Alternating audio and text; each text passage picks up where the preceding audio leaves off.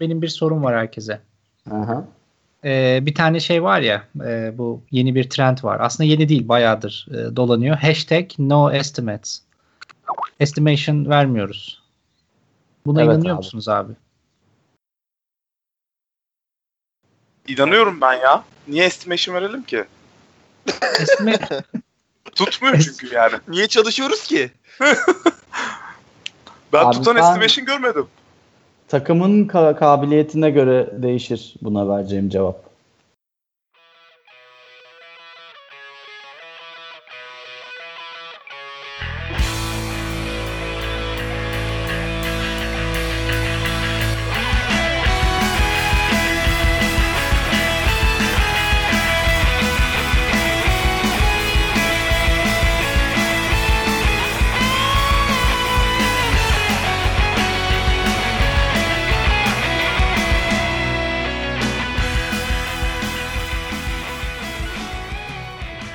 Çalıştığım takıma göre değişir. yani estimation vermek size ne kazandırıyor? Yani estimation hayatınızda ne gibi bir şey değiştiriyor? Abi business tarafının gazını alıyorsun estimation verdiğinde. Onlar da biliyorlar onun o tarihte bitmeyeceğini. Herkes mutlu oluyor. İşte sonra "Aa işte iki haftaya bitireceğiz. Şu oldu bu oldu falan. Şey yapıyorsun yani. Estimation o işe yarıyor. Benim gördüğüm 10 yıldır. Abi yazılım yazılımcıların da önünü görmesini sağlıyor ya bence estimation. Ya şeye inanıyorum bak. Bir Jira kartı açılır. O hani poker planning'de hani belli şeyler verilir, puanlar verilir, ekip tartışır. Orada bir grooming ortamı oluşur. Hani insanlar kartı daha iyi anlarlar. Şunu yapalım, bunu yapmayalım. Bu gerçekçi değil derler ama abi yazılım projeleri kaotik yani. Estimation iki haftaya bitireceğiz, bir aya bitireceğiz demek çok roughly verirsin yani estimation'ı. İşte abi bir aya biter. Şöyle bence. Yani çok ya büyük bir işe estimate verirsen büyük ihtimalle onun tutmayacağı garanti neredeyse. Ama hani işi ne kadar küçük parçaları bölersen büyük ihtimalle onu tutturabiliyorsun yani. Özellikle belirli bir o projede belirli bir zaman geçirdiysen eğer bence estimation özellikle kendin için de yararlı diye düşünüyorum ben ya. Hani hiç vermemek dense en azından biraz daha böyle küçük parçalara ayırabiliyorsan işi ona estimate verebilirsin bence. Şimdi Abi bir şey Pardon. söyleyebilir miyim Fırat sen dal girmeden? abi dal hadi. çok şey olduğum bir konu. Bir projeye estimation veremeyebilirsin. Bence veremezsin yani projeye. Ama hani bir karta işte atıyorum story, storyleri ondan sonra tasklara böl, taskları sub tasklara böl. Yani bir developer'ın yapabileceği hale getirdikten sonra bir task'ı hani sub tasklara böldükten sonra hani ona estimation verebilirsin gibi geliyor bana. Ama bütün projeye veremezsin gibi geliyor bana. O aynı bakış açısıyla bakarsak aslında eğer sen projeyi de yeteri kadar parçalayabiliyorsan sanki projeye de estimate verebilirsin aşağı yukarı. Yani belirli bir sapmayla işte- da olsa. Şu şöyle bir şey var yazılım projelerinde abi hepimiz biliyoruz. Hani bir Tabii projenin hani yo, üç ay- %100 üç ay süreceğini tabii ki de yani. Ha. İşte bana çok şey geliyor yani tutmayacak çünkü iki hafta sonra requirement'lar değişecek bir anda filan. Değişiyor abi. Requirement'ın ben sabit kaldığını görmedim. Çok sinirliyim. Abi orada le- Tamam. lean'e giriyor ama iş yani. Bu Zaten arada- oradan hani olay başlıyor yani. Hani hiçbir proje böyle beton gibi kalmıyor ki. Sonuçta canlı organizma gibi bir şey sürekli değişiyor. Arkadaşlar tamam da siz şu an kendi gerçekliğiniz üzerinden yaşıyorsunuz. Böyle ürün falan geliştirdiğiniz için siz şu anda. Biz şu anki durumumuzda bayağı bir tane projemiz var. Bu projeye teklif vererek benim şirketim giriyor. Teklif verdiği için de çok önceden şeyi çıkarmış olması lazım. İşte bu flow kabaca 10 gün sürer. Bu flow 20 gün sürer. Sonra bunları topluyorlar. Adam günle çarpıyorlar. Ee, işte oradan bir sabit fiyat uyduruyorlar. Oradan para alıyorlar abi. Buna göre planlama yapıyorlar. Böyle 6 aylarını bir yıllarını falan planlıyorlar. Tutuyor Böyle musun? çalışan firmalar var. Hiç Bir bok şey sorabilir tutmuyor. miyim? Ha, aynen onu soracaktım. Onu Hiç bok soracaktım. tutmuyor abi yani tutmuyor ama yani sonuçta bunu zorlu, zorunlu tutan çok büyük firmalar var şu an çalış. Neyse. İyi de abi ben müşteri olsam böyle bir hizmet satın almam ki. Alıyor. Ben Abi müşteri müşteri, sen olsam- değilsin ama. Müşteri Hayır. bambaşka bir adam yani. Hayır, kim satın alıyorsa bu hizmeti estimation'ı tutmayan bir şirketin yaptığı işi ben istemem müşteri olarak. Niye isteyeyim ki? Bak Çok- estimation'ı tutmayan şirketin diyorsun. Abi kimin tutuyor ki? Zaten adam o yüzden yine devam ediyor işine. Ama estimation'da istiyor. Böyle içi rahatlıyor ya. Abi yani çok şey nasıl diyeyim genel geçer bence hani konuştuğumuz şey. Hani gerçek bir ya tabii ki herkes kendi gerçekliğinde konuşuyor yani. Tabii ki ben senin adına konuşamam. Kendi adıma konuşuyorum. Kendi gördüğüm örneklerden, kendi tecrübelerimden konuşuyorum. Ama hani bence bütün projeyi estimate etmek zor. Biz şey yapıyoruz. Milestone'lara bölüyoruz abi projeyi. Böyle 5-6 tane e, storylik task'lara veya işte milestone'lara bölüyoruz. Onlara kabaca estimate veriyoruz. Ve onda bile tutmadığı oluyor.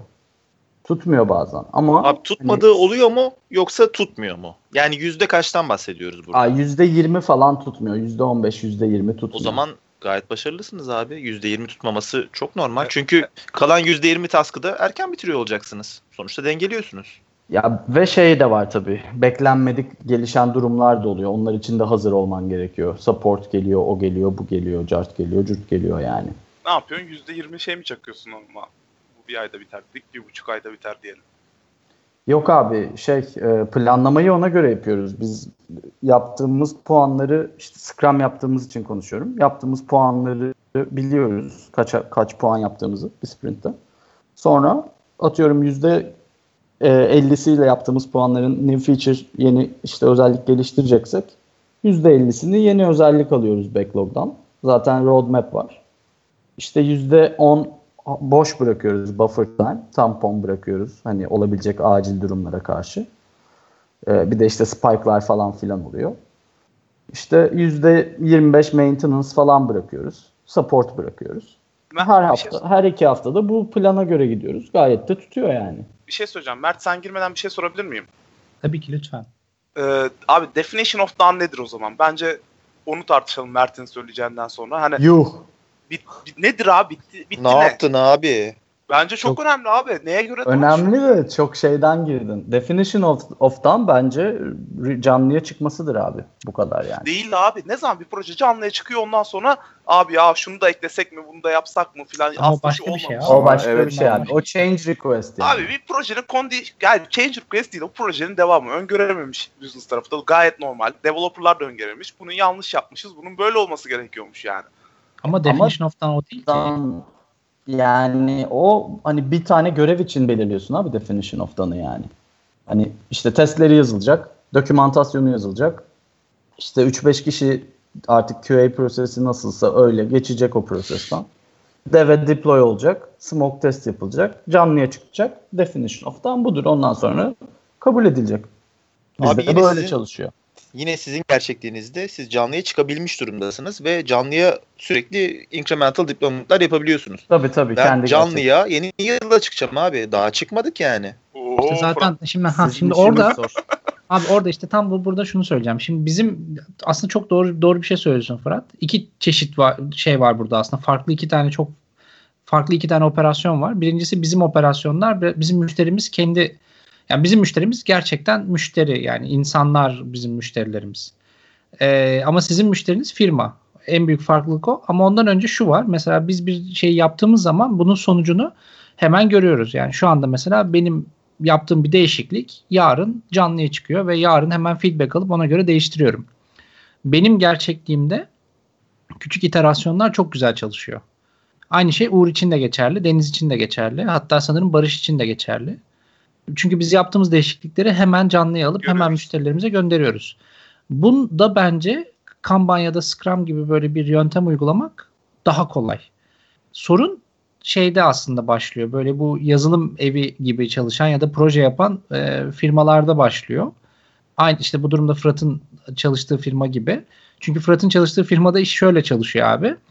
E, bu çalışmanın yani bir şey var bu satış ekibi var. Satış ekibi hiç tanımadığın global bir insan. Yani global dolaşan bir insan. İşte bu adam gidiyor e, New Caledonia diye bir yere gidiyor mesela. Yeni Kaledonya diye bir yer var. Hiç duydunuz mu?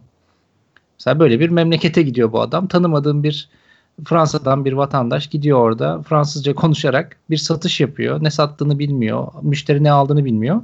Ondan sonra solution architect'leri gönderiyorlar. Solution architect'ler şeyi belirliyor. Skopu belirliyor. Yine tanımadığın adamlar. Sonra sana geliyorlar diyorlar ki bunu şu zamana yetiştireceksin diyorlar. Ee, yani bu süreç aslında Fırat'ın şu anda ağladığı süreç. Çok Dolayısıyla- bu arada tanıdık bir yer benim için.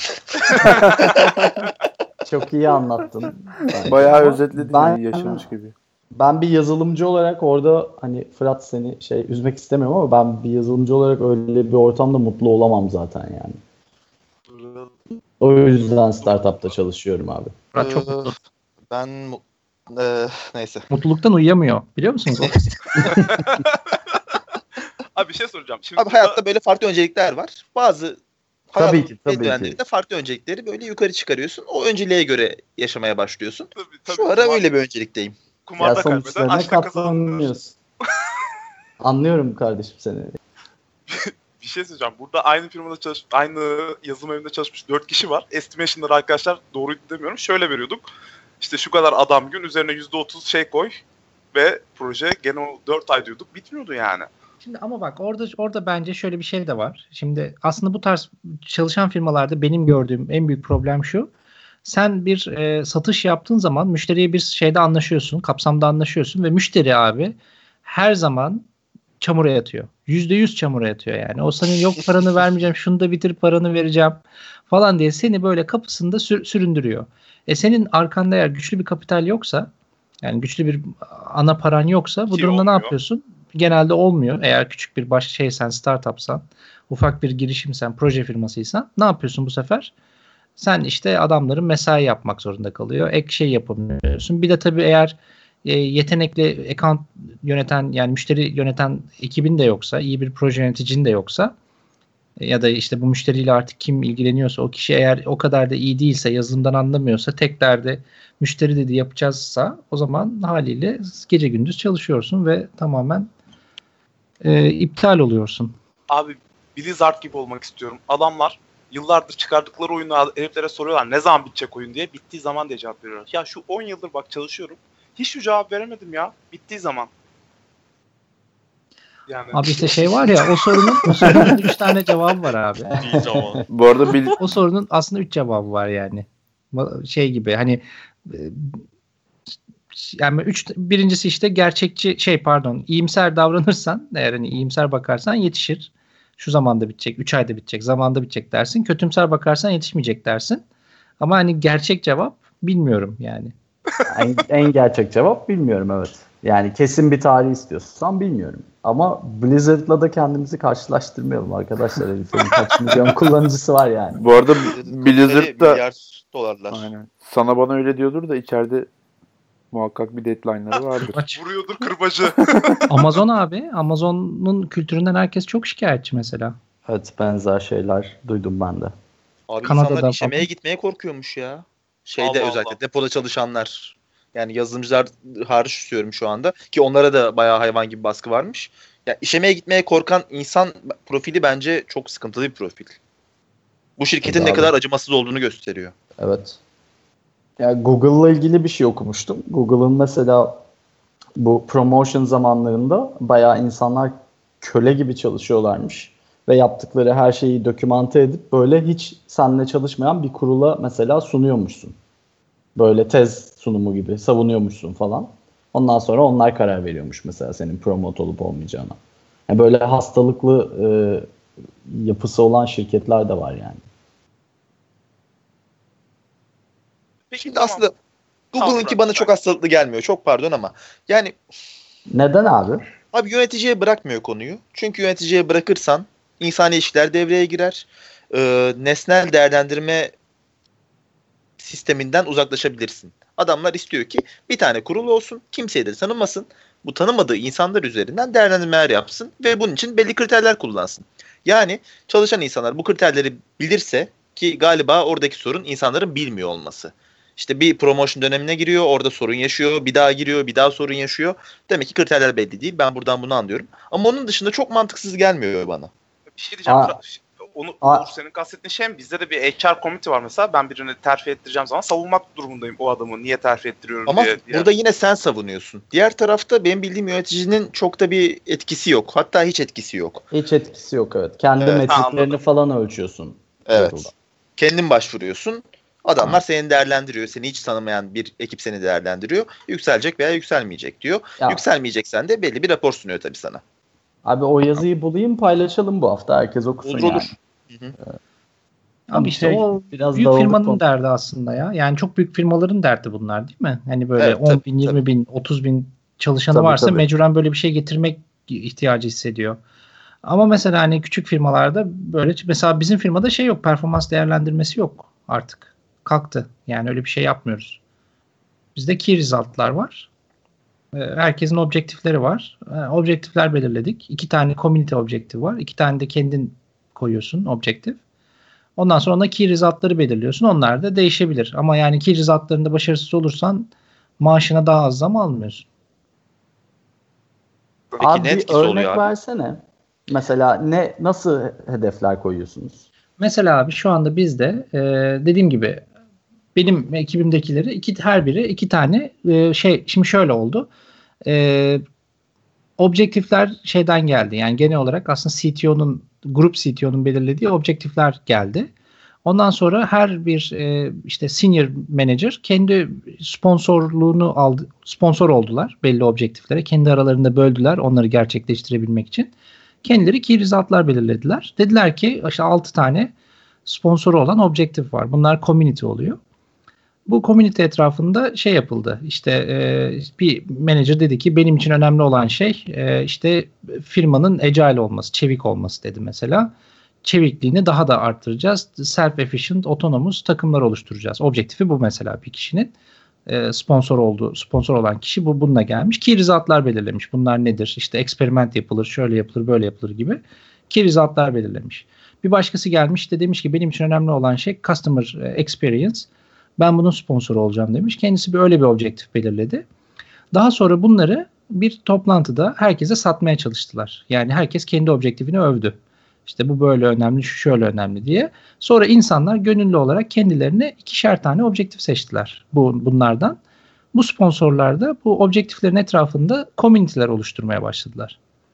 Yani her objektifin kendi komünitesi var. İşte mesela Agile Community var. İşte Takımdan bağımsız var. yani. Farklı Takımdan tamamen insanlar bağımsız. bir araya gelip bu hedefleri doğrultusunda Aynen öyle. çalışıyorlar. Aynen öyle. Ee, artı bundan sonra bir de benim ekibimin ben yöneticisi olarak ayrı her birinde iki tane daha objektif belirledim.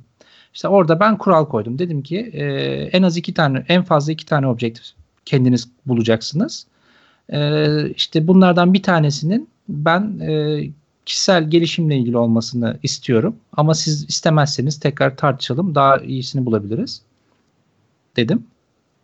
Herkes kendi objektifleriyle geldi. Mesela bir tanesi şey dedi.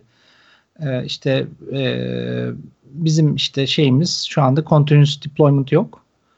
Continuous deployment yapacağım ben dedi mesela. En az bir servisi continuous deployment'ını yapabilir hale geleceğim sene sonuna kadar dedi. Şimdi e, herkese 6 haftalık şeylerde ya da işte aylık süreçte bir hafta zaman veriyoruz. Bir hafta bu objektiflerle çalışıyor sadece. Kendi istediği bir hafta. Ne güzel bilinçli takımım var. En fazla işte yapılan. 5 gün ayırabiliyorlar. Gibi böyle bir şey yaptık ama bazı takımlar farklı uyguluyor bunu. Bazı takımlar Aa. diyor ki işte release train'in ilk haftası biz bununla uğraşırız başka işle uğraşmayız diyorlar. Ben takıma şey verdim. Açık çek verdim. Kendi şeylerini oluşturuyorlar. User story'lerini, epic'lerini. Bir- Birisiyle benimle birlikte gurum ediyorlar. O story'leri nasıl yapacaklar, nasıl nasıl geliştirecekler diye. İsterse gitsin eğitim alsın, isterse otursun bir deney yapsın o bir hafta. Ne yapmak istiyorsa onu yapıyor. Sonra da her ay zaten bir şeyimiz var. Check-in yapıyoruz. Birbirimizle konuşuyoruz. Objektiflerimizi durumunu takip ediyoruz mesela.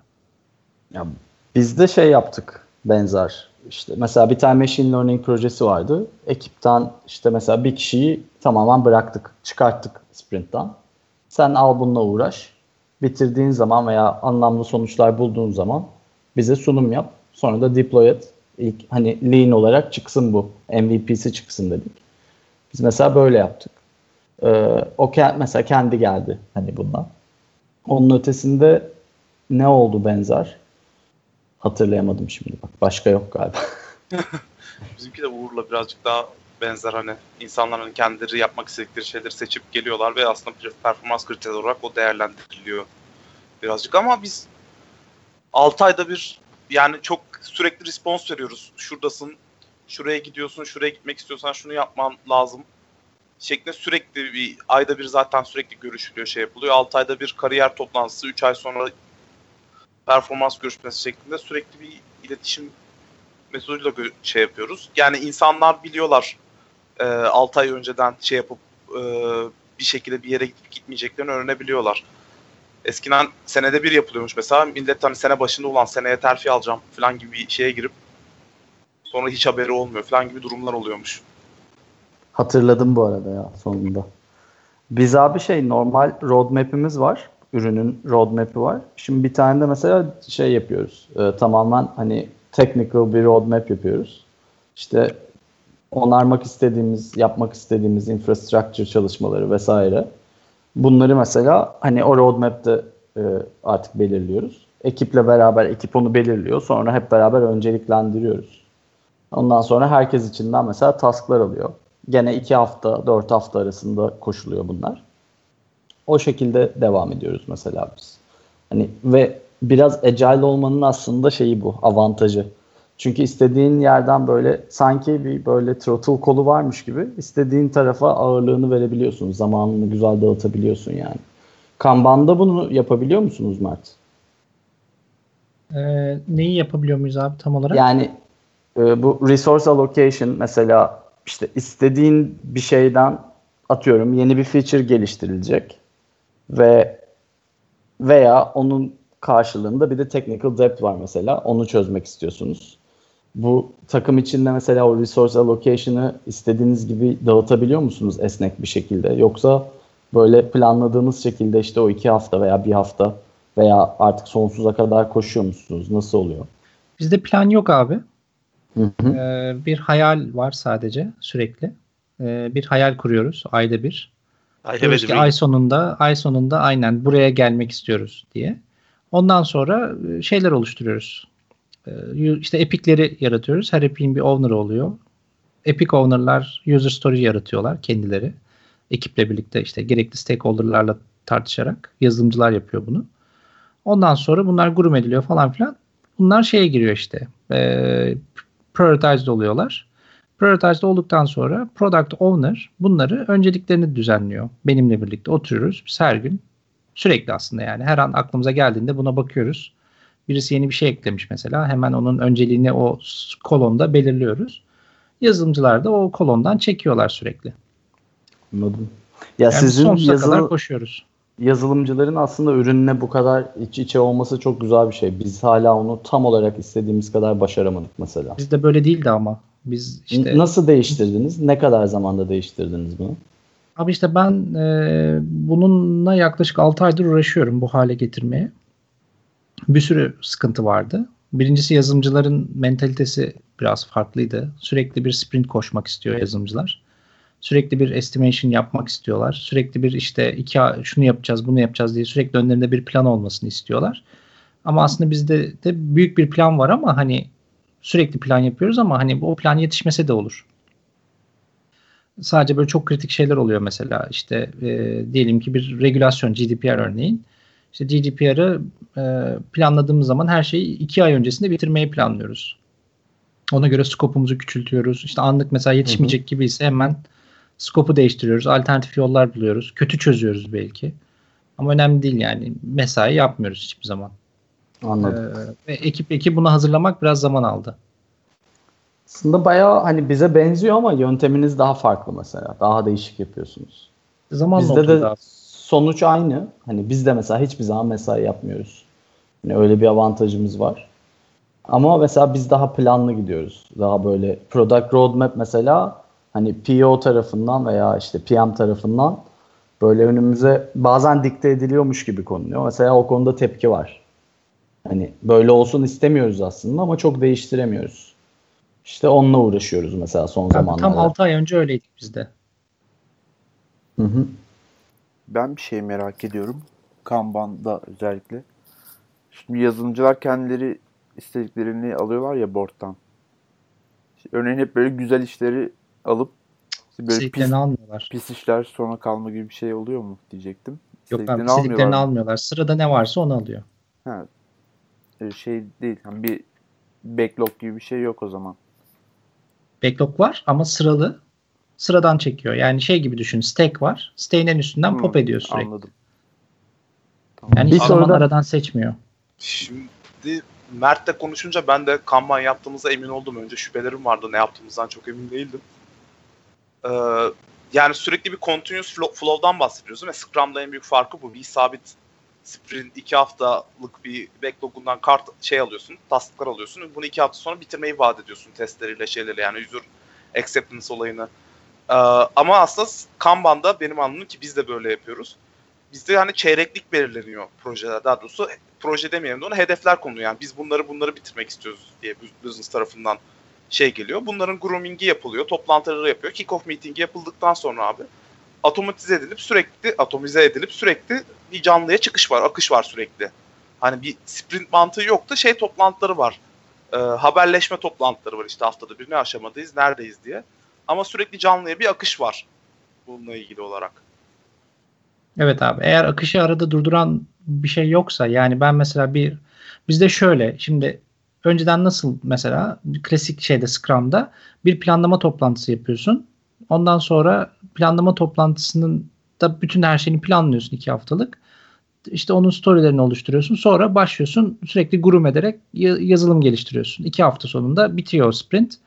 Retrospektif yapıyorsun. Bizde retrospektif yok mesela. Yapmıyoruz biz retrospektif. Ee, onun yerine işte akşam dışarıya eğlenmeye gidiyoruz. Ya da işte akşam derken 3'te çıkıp 6'da dönüyoruz. Yani öyle eğlenme akşam derken. Ee, işte onun dışında mesela bir birisi mesela bir task'ı aldı. Ee, kanban tam kanban yapıyoruz. Yani yapmaya çalışıyoruz aslında tam değil bence. Bir task'ı aldı. Ya daha doğrusu bir API aldı. Onun storylerini çıkartıyor. Sonra o işle uğraşmaya başlıyor. Ve ondan sonra devam ediyor. Ne zamana kadar? Onu deploy edene kadar. Biri dediğin bizde epikler şöyle oluyor. O kısmı netleştirmek istiyorum. Epikler hani çeyrek başlarında hani epikler şey olarak çıkıyorlar hani requirement'lar olarak büyük büyük epikler çıkıyor. Ondan sonra product manager'la developer takımı toplayıp şey yapıyorlar. Ee, Bunları hem kartlara bölme işi yapılıyor hem de grooming yapma işi yapılıyor. Arda arda birkaç toplantı yapılarak. Ondan sonra kick-off yapılıp e, stakeholder'lara bildiriliyor. Scope'umuz budur. Biz buna başladık şeklinde. Hani İşte bizde o yok. API'yi parçalayan developer mı sizde? Tek Tabii. başına. Initiative geliyor bize. Mesela initiative nedir? Yeni bir kart e, ekleme ekranı yapılacak mesela. Aslında şöyle. Kart yapılma ek- kart ekleme ekranı yapılması bir epic. Neden kart ekleme ekranı yapıyorsun? Müşterilerimizin çünkü büyük bir kısmı e, call center arayıp kart eklemek için yardım istiyor mesela. Initiative bu. Bu initiative'den bir sürü epikler oluşuyor. Bu epikleri e, yine yazılımcıyla beraber oturup biz yapıyoruz. Ondan sonra yazılımcıya devrediyoruz bütün süreci. Anladım. Peki şeyler nasıl belirleniyor? Mesela bizde proje bir projenin yapılıp yapılmayacağı her çeyrek sonunda bütün departmanlardan insanlar katılıyor. Bayağı şey bir toplantı oluyor. Herkes bundan bir hafta önce projelerini submit ediyor. Şu kadar revenue getirisi olacak veya revenue getirisi olmayacaksa işte şöyle bir etkisi olacak diye bunu şey yapıyor, justify ediyor. Şunlar şunlar bu projeyi yaparsak şöyle etkileri olacak diye. Sonra bunlar tartışılıyor ve bunlardan bazıları alınıyor şeklinde karar veriliyor. Bizde o da yok. Bizde şey var işte inisiyatifler geliyor. İnisiyatiflerden epikleri oluşturuyoruz. Haftada bir business'la şey toplantısı yapıyor. Önceliklendirme toplantısı yapılıyor. Geleceğine kim karar veriyor? Yani bir iniştifi İnisiyatif kim şey geliyor. İnisiyatif geliyor. Onu yapıp yapmama kararını biz takım olarak veriyoruz. Ha, Abi anladım. sizin O- orada aynı iyi pardon. şeyi anlamaya çalışıyorum. Ee, aslında iniştifinin ortaya çıkmasını hani kimler şey yapıyor? Şu iniştif yapılacak ama şundan dolayı yapılacağı kim söylüyor? İşte business'ta. Biz, business diyor onu. Ha anladım. Biz orada da şey yapıyoruz da yer alıyoruz da ya bunu yapmasak da bence olur şeklinde. Yok zaten işte orada zaten gene biz yer alıyoruz ama e, iniştifi iniştifin sahibi sonuçta biz şey oluyor business oluyor mesela. Business, Biz de olabiliriz anladım. iniştifin sahibi. Biz de bir problem görürüz mesela. Bir deney yapmak isteriz. O bir iniştif olur. Anladım. Ee, Farklı isimler veriyoruz kavramlara anladım. Evet yani iniştif aslında bir işin başlamasını sağlayacak şey. Ondan sonra onun geliştirilmeye başlan başlanmayacağı tamamen bizim kararımız.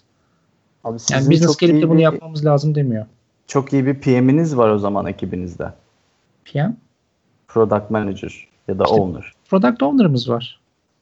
Yani Yani çünkü bizde mesela bu kararı bizim alabilme yetimiz yok yani takım olarak.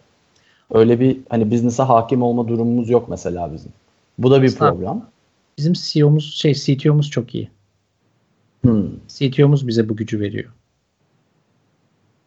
Ya biraz da öyle olması lazım aslında ya. Yani hayaller var, projeler böyle bunları istiyoruz var. Bir de onu ayakları yerine oturtması gereken takım sanki product takımı hani. Çünkü çok içindeler olayın. Ha şeyi merak ettim aslında. Ya benim şöyle bir öngörüm var. Bunda yanlış da olabilirim. Scrum'ın yani Scrum'la Kanban iki ayrı proje tipinde iki ayrı gerçekliğe çözüm bulan iki ayrı ecel metodoloji gibi geliyor bana. Hani bizim gibi firmalarda Mert'lerinki de öyle gibi şeye çıkmak sürekli continuous bir şekilde canlıya çıkmak ve bir şeyler deliver etmek e, iki haftalık sprint koşmaktan koşup bir şeyler çıkmaktan daha önemli gibi gözüküyor. Hızlı bir şekilde bizim canlıya çıkmamız lazım sürekli. Çünkü şey var piyasa hareketli başka rakipler var. Ee, gerçeklik çok hızlı değişiyor. İki haftalık sprintlerden bile daha hızlı değişebiliyor hani. Yani sanırım Scrum ve Kanban çok farklı iki gerçekliğe cevap veriyorlar. Birbirlerinin muadili değiller gibi geliyor düşündükçe üzerinde. Siz ne düşünüyorsunuz? Aslında orijinal sorum o yüzdendi. Yani estimation yapmasak ne olur? Du. Abi muadil değiller zaten yani de. Hani gene kendi gerçekliğimden cevap vereceğim Fırat'ın dediği gibi. Ee, ya biz mesela iki haftalık sprint koşuyoruz ama mesela eğer sprintin başında mesela küçük bir feature varsa ve o feature bittiyse ve işte bütün testleri falan geçtiyse mesela onu deploy ediyoruz artık. Onu gerimizde bırakıyoruz. İki hafta sonunda eğer bütün sprint boyunca çok büyük bir feature ya da proje üstüne çalıştıysak mesela ancak sprintin sonunda oturup onu demo ediyoruz mesela bütün e, şirkete. Ama onun ötesinde hep mesela minik minik deploy ediyoruz biz. Bizde böyle çalışıyor. Ama anladığım kadarıyla her takım, her şirket kendi ihtiyaçlarına göre zaten biraz eğip büküyor bu işleri. Evet yani abi. bu işin net bir doğrusu yok. Mesela Fıratların nasıl yaptığını merak ediyorum. Biz hepimiz benzer tipte iş yapıyoruz ama Fıratlar nasıl yönetiyor bu süreci onu merak ettim açıkçası. Bir şey söyleyeceğim Fırat. Siz çok büyük bir ürün geliştiriyorsunuz değil mi bizimkiyle kıyaslandığında? Ya şimdi büyüklükten kastın nedir? Sonuçta seninle de beraber çalıştık. Evet bu büyük bir ürün ama sizinkinin kapsamı belki de daha geniştir. Ama canlıya çıkamadığımız için önümüzü göremiyoruz. Bizim asıl şu andaki sorunumuz o olabilir. Yani bize requirement'lar böyle 100 sayfalık requirement var bizde. Başlıyorsun ilk task'tan başlıyorsun. Sonra zamanı geldiğinde yine değiştiriyorsun ama sonra bunu e, internal testlere atıyorsun. Internal testler bunu test ediyor. Seninle komünike ederek test ediyor. Bu da çok gereksiz bir süreç bence ama yapılıyor. Sonra okeyse müşteriye atılıyor. Müşterinin testçisi bunu test ediyor. Yine okeyse müşterinin business tarafı test ediyor. Sonra yine okeyse okey dana çekiliyor. Ama bu dana çekilmek de aslında sizin dana çektiğiniz gibi canlıya çıkıp sonucunu görmüş olmak değil. Biz dana çektiğimizde tamam şimdilik sorunsuz demek oluyor. Yani bunlar en son tekrar bir e, SIT ve UAT diye iki ayrı kavramımız var benim bizim. E, bir, bir tanesi user acceptance test olabilir. Diğerinin adını hatırlamıyorum. Yani tekrar bunların hepsi koşulacak. Bunların senaryoları koşulacak, neler olduğu tekrar koşulacak ve bunlardan bana yine bak gelebilir. O yüzden bu süreç benim için hiç bitmiyor ve biraz kabus gibi.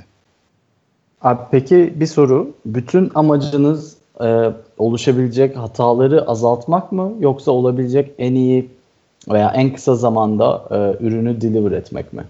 Önceliğiniz ne? Zor soru.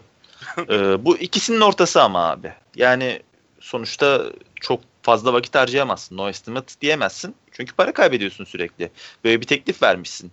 Para kaybetmek ne senin işine gelir ne müşterinin işine gelir. Kimsenin işine gelmez yani.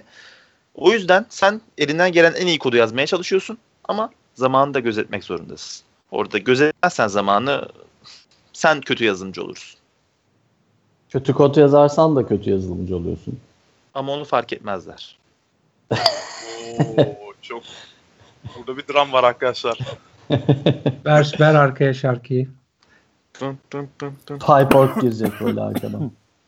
Barış sizinki de birazcık biz Fırat'la bizimki arasında bir proje gibi.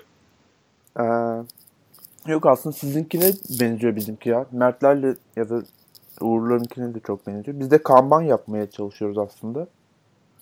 Ama hani bir yandan da müşterinin işte şu tarihte bu olsun gibi şeyleri olabiliyor bazen. Sürekli olmuyor. Biraz o algısını aslında yıkmaya çalışıyoruz.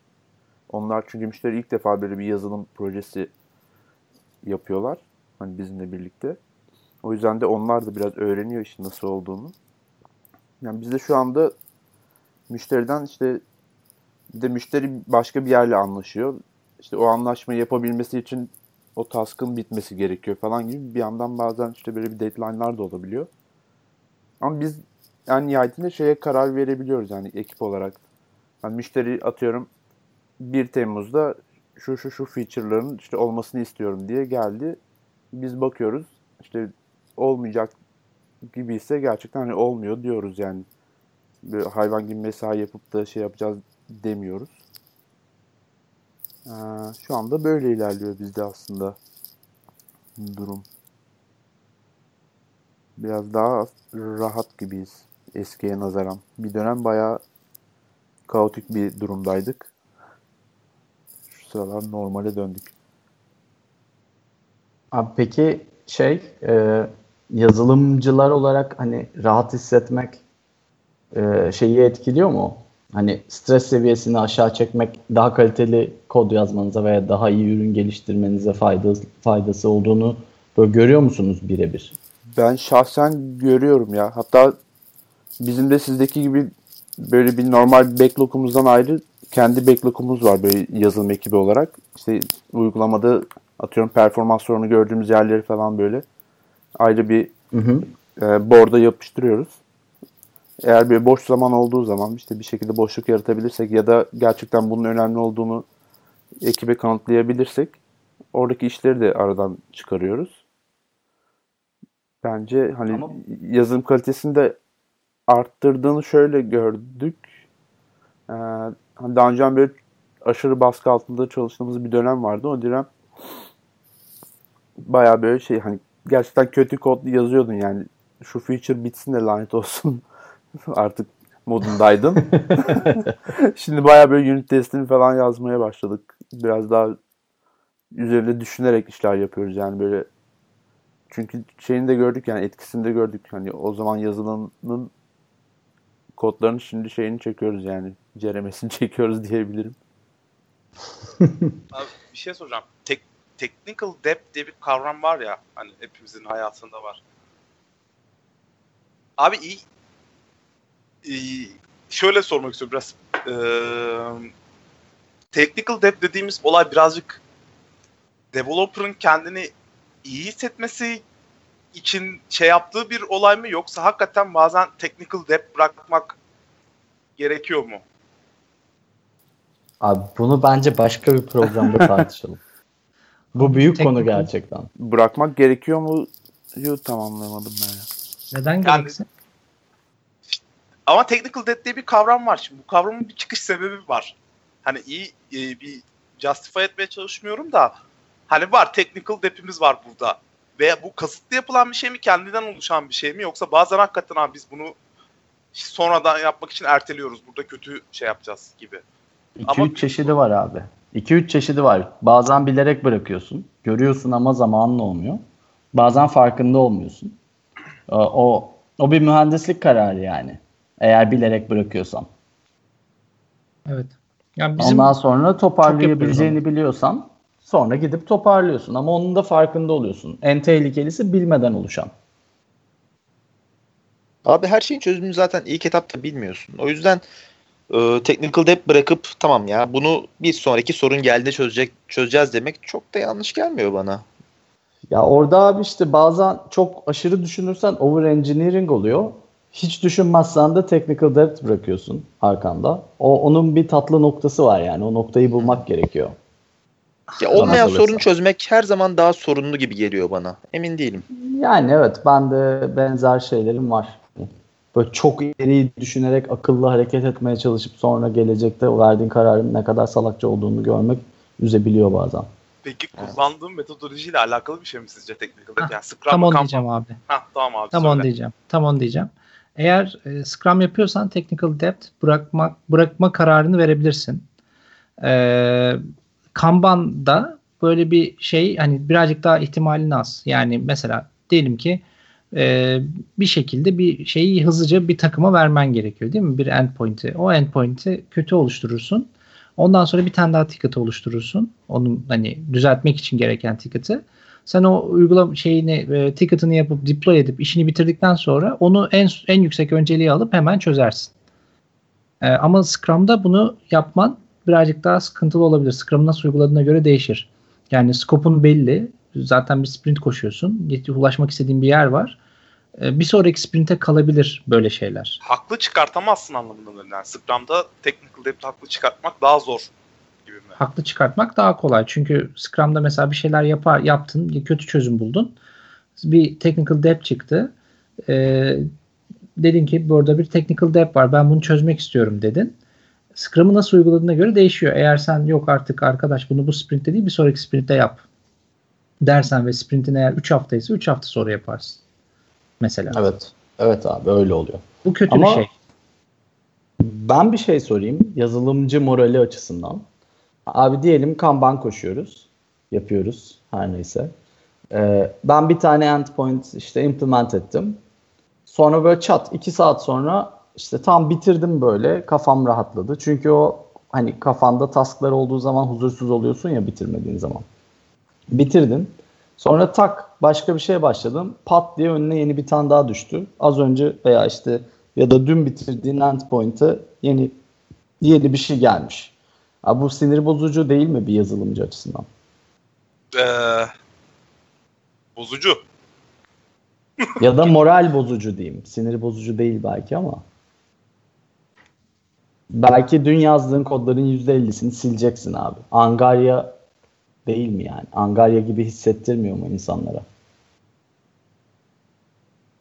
Abi ama o olabilir gibi geliyor ya. Hani çok olmaması lazım haklısın ama. Hani Olabilir de hani kasten veya işte bunun olacağını bile bile bunun olmasına izin vermek de biraz şey gibi geliyor bana.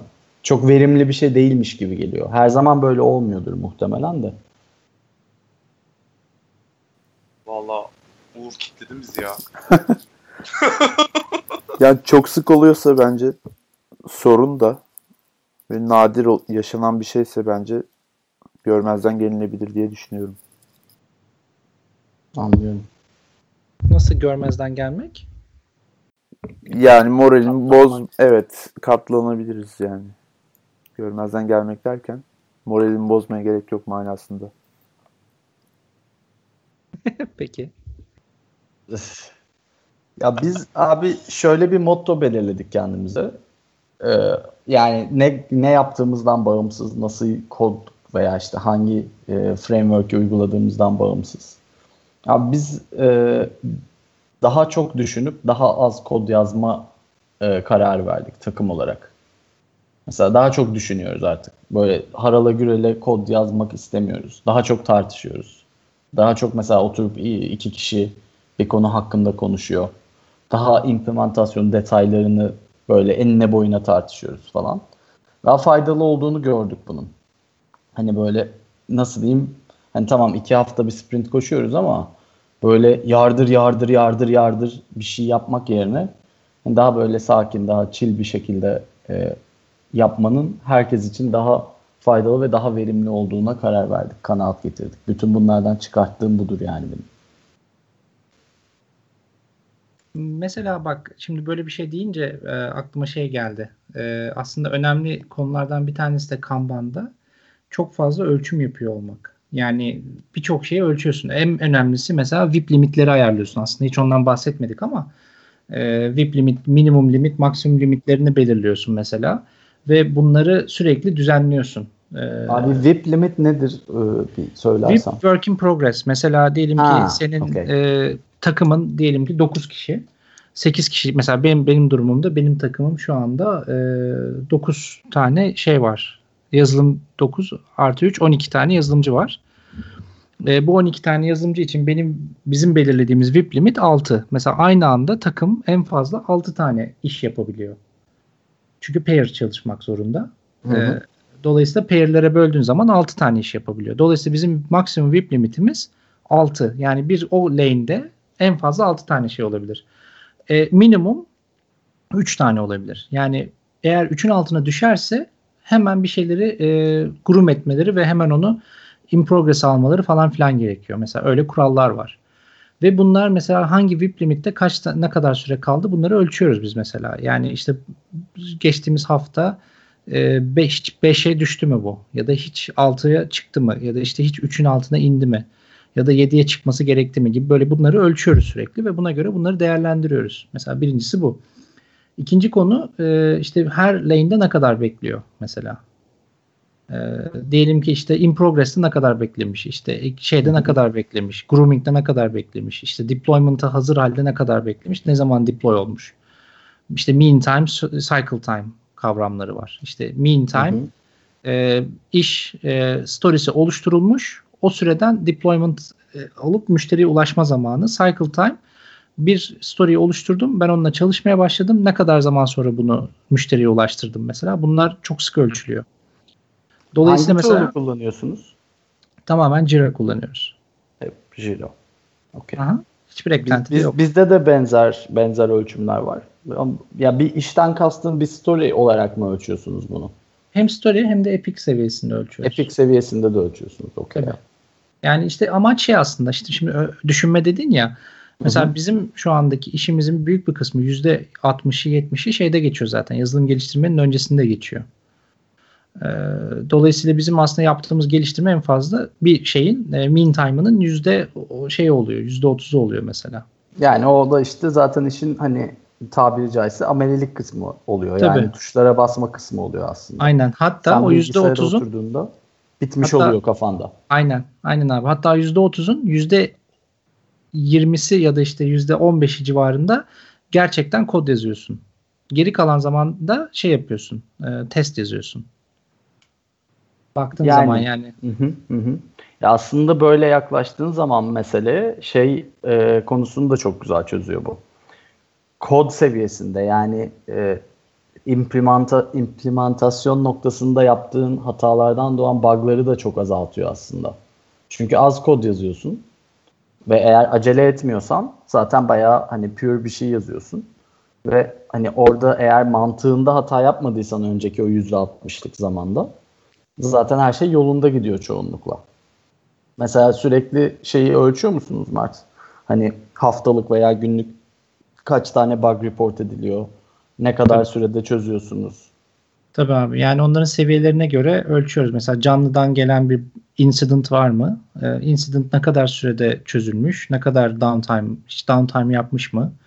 Yapmamış mı? Alarmı tetiklendikten itibaren ne zaman e, şey çözülmüş, problem çözülmüş? Problem çözülürken araya birisi dahil olmuş mu? Yani birisi bunu keşf bir müşteri şikayetiyle mi gelmiş yoksa bir alarmdan mı tetiklenmiş gibi böyle bunların hepsi e, ölçülüyor tamamen. Süper abi güzel metrikler. Ama abi, farklı Heh, pardon. Yok yok sen konuşuyormuşsun. Ya ben bir programda da alerting ve monitoring konuşalım mı diyecektim. Vallahi olur abi. Konuşalım abi. Bayağı önemli konu yani. Ben şey soracağım ya. PR yapmak zorunda dedin ya developerlar. Hı hı. Tek kişi çalışmıyor mu şu anda sizde? Kesin PR yapılacak diye bir şeyiniz mi var? Ekip olarak öyle bir kural mı koydunuz? Bizim takımın kuralı var. Herkes yapmıyor. Her takım yapmıyor bunu. Ama benim takımı takımımda e, şey yani biz kendimiz şart koştuk. Peki avantajını Ama gördünüz mü? sürekli. E, yani. Tabii abi yani herkes her şeyi biliyor şu anda. Yani frontendci backendcinin yaptığı şeyleri biliyor. Backendci frontend'i biliyor. Cross cross disiplin pair'ler de oluyor çünkü. İş yavaşlama gibi bir şey oldu mu peki? Daha önceden daha fazla task'ı bitirebiliyorken daha az olmaya başladı falan gibi bir şey oldu mu? Vallahi öyle bir ölçüm yok elimde ama yani yani bir ölçtüğüm bir şey yok onunla ilgili ama hani yavaşlar tabii ki kısa vadede. Ama bu kötü bir şey değil. Ama uzun vadede daha çok şey kazanıyorsun. Silo oluşmuyor yani. Yani. Ben bir şey sormak istiyorum aslında bu konuda. Pay programı konusu açılmışken biz geçen ay şeye karar verdik hani e, yazılım geliştirme süreçlerimiz şey yapıyor. İçerideki bilgi, bilgi paylaşımını arttırmak açısından Hani pair programming'i deneyelim ama bir kural haline getirmeyelim. Bir ay sonra hani tekrar konuşalım denedikten sonra ve ondan sonra hani bunu kural haline getirip getirmeyeceğimize karar verelim şeklinde konuştuk ve bugün hani toplantı yaptık bunu review ettik yani nasıl geçti bu deneyimimiz şey yaptık diye. Hani insanlar bunun bir kural haline getirilmesinden ziyade on demand bir şey olması gerektiğine karar verdi takım. Hani ben denemeden hani bunu vazgeçmeyelim veya bunu kural haline getiririz gibi bir karar çıkartmayı umuyordum ama mesela böyle bir karar çıktı bizim development ekibinde. On demand olarak hani pair programming talep eden arkadaşımız hani o gün biriyle çalışsın, şey yapsın. Ya işte o zaman kimse yapmayacak demek bu. ben de onu oradan şey yaptım. Ya bizde şey abi mesela diyelim ki biz senle Deniz pair yaptık değil mi? Ee, ondan sonra ertesi gün ben şeyle yapıyorum. Uğur'la pair yapıyorum. Bir sonraki gün Uğur senle pair yapıyor. Mesela. Böyle sürekli döndürüyoruz. Her gün değişiyor pair'ler. Bütün gün mü yapıyorsunuz abi? Ya aşağı yukarı bütün gün oluyor. Ya ama şey değil tabii yani böyle e, driver navigator gibi değil aslında. Ortak çalışıyorlar bir işte. Mesela ping pong yapıyorlar. Şey deniyor mesela e, iki, iki, iki kişi çok heveslenmiş ona. İki tane klavye bağladılar bilgisayara. Bir tane mouse var. Bir tanesi testi testini yazıyor, öbürü implementasyonunu yazıyor. Çok çok eğlenceli oluyor. Çok komik yani. Ping pong yapıyorlar. Enteresanmış. Abi bizde şey oluyor genelde. Bir backendçi bir frontendçi beraber çalışıyor. Backendçi backend'i implemente ed- ediyor ya da etmiş oluyor mesela. Frontendçiye anlatıyor. Ya da tam tersi olduğu zaman frontendçi mesela feature var belli. Frontendçi backendçiye ne istediğini anlatıyor mesela. İşte şurada şöyle bir field'a ihtiyacım var. API'den böyle bir şey dönsün. Sonra backendçi onun yanında onu implemente ediyor mesela. Beraber sonra canlıya alıyorlar. Sonra hani ikisini beraber entegre edip işte frontend koduyla backend kodunu koyuyorlar yan yana. Sonra çalıştırıyorlar kendi ortamlarında. Sonra test ediyorlar beraber. Bizde böyle çalışıyor. Ama mesela bu çok sık olmuyor ya. İsveç abi. Herkes bireysel yani. Evet, ama Daha- bazıları var abi yani gerçekten istemeyen. Yani evet e, şey o konuda ben de sıkıntı yaşadım. Hani olmuyor adam tek çalışmak istiyor yani zorlayamıyorsun. Zaten benim anladığım pair programming böyle zorlanacak bir şey değil yani. Hakikaten ekibin böyle bir şey istemesi gerekiyor. Bence birazcık zorlanacak bir şey. Ya Çünkü ben konfor ben zonuna giriyor zorlamam. abi herkesin. düşündüm hani çünkü abi tamam konfor zonu o konuda haklısın da yani isteksiz neyse. İşte Olmaz isteksiz ya. olmasının sebebi bu. Ne oluyor abi? Kod yazarken şundan çekiniyor. Herkes çünkü şey zannediyor. Benim yanımda pair yani dünyadaki tek yazılımcı şey yapan yani böyle Google'dan arayıp da bir şeyleri sürekli oralardan okumaya çalışan tek yazılımcı benim. Dünyadaki bütün diğer yazılımcılar oturuyorlar sadece kod yazıyorlar başka hiçbir şey yapmıyorlar zannediyor herkes. Böyle olduğu için tabii işte birisinin yanında bunu yapmaktan çekindiğinden dolayı e, korkuyor pair programming yapmaktan. Şey yapıyor, rahatsız oluyor. İşte Neydi abi? Imposter sindrom muydu? Böyle herkesi kandırıyormuş gibi hissediyorsun. Sanki böyle yerine layık değilmişsin gibi. Ama halbuki herkes aynı aynı durumda abi. Yani bir şeyler Stack Overflow yapıyoruz, çıkarıyoruz. Stack Overflow developer'ı değiliz belki ama arıyoruz abi yani takıldığımızda arıyoruz evet. Abi yani işin raconu bu yapacak bir şey yok. yani işte biraz daha şey gerekiyor, özgüven gerekiyor. Evet evet. Onu aşılamak Junior- lazım. Junior'larla çok güzel çalışıyor abi. Yani junior'lara çok fazla şey katıyor. Evet. Yani özellikle o açıdan çok faydalı. Zaten onların kaybedeceği de bir şey yok ya Junior zaten. bu, arada şimdi şu konuyu çok hızlı değiştirip ondan sonra benim kaçmam lazım. Bitirebiliriz herhalde yavaş yavaş. Ee, artık burada e, Junior yazılımcı demiyoruz abi. Bizim Ne ekipte. diyorsunuz Çünkü abi? ageism yapılıyormuş. Ageism oluyormuş. Vay arkadaş. Abi benim junior yazılımcım 29 Evet yaşında falan. ageism olmak zorunda değil bu arada ya. Nasıl? Abi diyelim Evet, adam 45 ageism yaşında olmayabilir. Garipmiş. Ya Junior yok yani artık sizde. Hassaslık. Ne diyorsunuz peki? Job stage mi var? Ne var? Hiç yok Bir şey abi. var ya. Yazılımcı var, Herkes senior yazılımcı. yazılımcı var. O kadar. Sadece junior kelimesini kaldırdınız. Evet yani. abi biraz öyle. İşte bu da yazılımcı ama Sen Abi Junior da birazcık şey bir kavram. Yani kavramsal olarak şey yaparsanız title olarak Junior diye bir şey yok yani aslında. Yani evet. Evet. E o zaman ufaktan kapatalım mı ya? Vallahi çok Hadi. keyifli program oldu. Kapatalım bence. Ama bir konumuzu söyleyelim ya. Bugün ne konuştuk abi? Dertleştik. Bunu başa koyarız. Bence ya da söylemeyelim insanlar yazsın abi konu neymiş diye. Merak ediyorum insanlar konuyu ne olarak algılayacak bu programın sonunda. Bir başlık koymamız gerekiyor biliyorsun SoundCloud'a atmamız için. Aa doğru. İsimsiz şey yapalım yazarız, abi. evet. Untitled. Ko- ko- konuyu bulun yazıyor. ne konuştuk lan biz diye. Konuyu bulana tam 100 lira. o bir dakika onu demeyelim şimdi. Eski parayla. Abi konu konuyu söylüyorum o zaman madem. Buraya kadar dinleyenler en azından bilsin yani. Konu Scrum vs. Kanban'dı. Tabii bambaşka yerlere de gitti yer yer ama herhalde güzel oldu yani. Biraz cevap vermeye çalıştı herkes kendi tecrübelerine dayanarak.